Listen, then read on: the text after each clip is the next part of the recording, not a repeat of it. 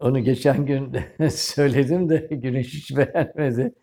Onu söylemeyeyim hiç olmazsa değil mi? Söylemeyeyim mi? Peki.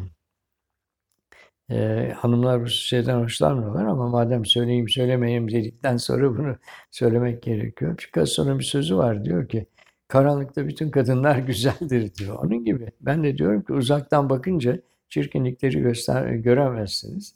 O yüzden İstanbul bana eee, her zaman uzaktan daha güzel geliyor. Onun kuru, kuruluşu, yapısı, ben onlara baktığım zaman sadece onları e, bir yapı olarak görürsün istemiyorum. Re- resmin içinden böyle bir rüzgar essin. Kuşlar kanatlarını suya, boğaza değirerek uçsunlar, evlerin üstünden geçsinler.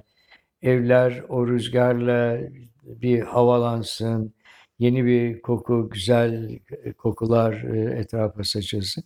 Yani İstanbul benim için bu. Uzaktan e, baktığım zaman o rüzgarları, o meltemleri, o serinlikleri, o mavinin tonlarını hissettiğim için çok içine girmiyorum ki trafikte yani yok olup kalmayayım diye.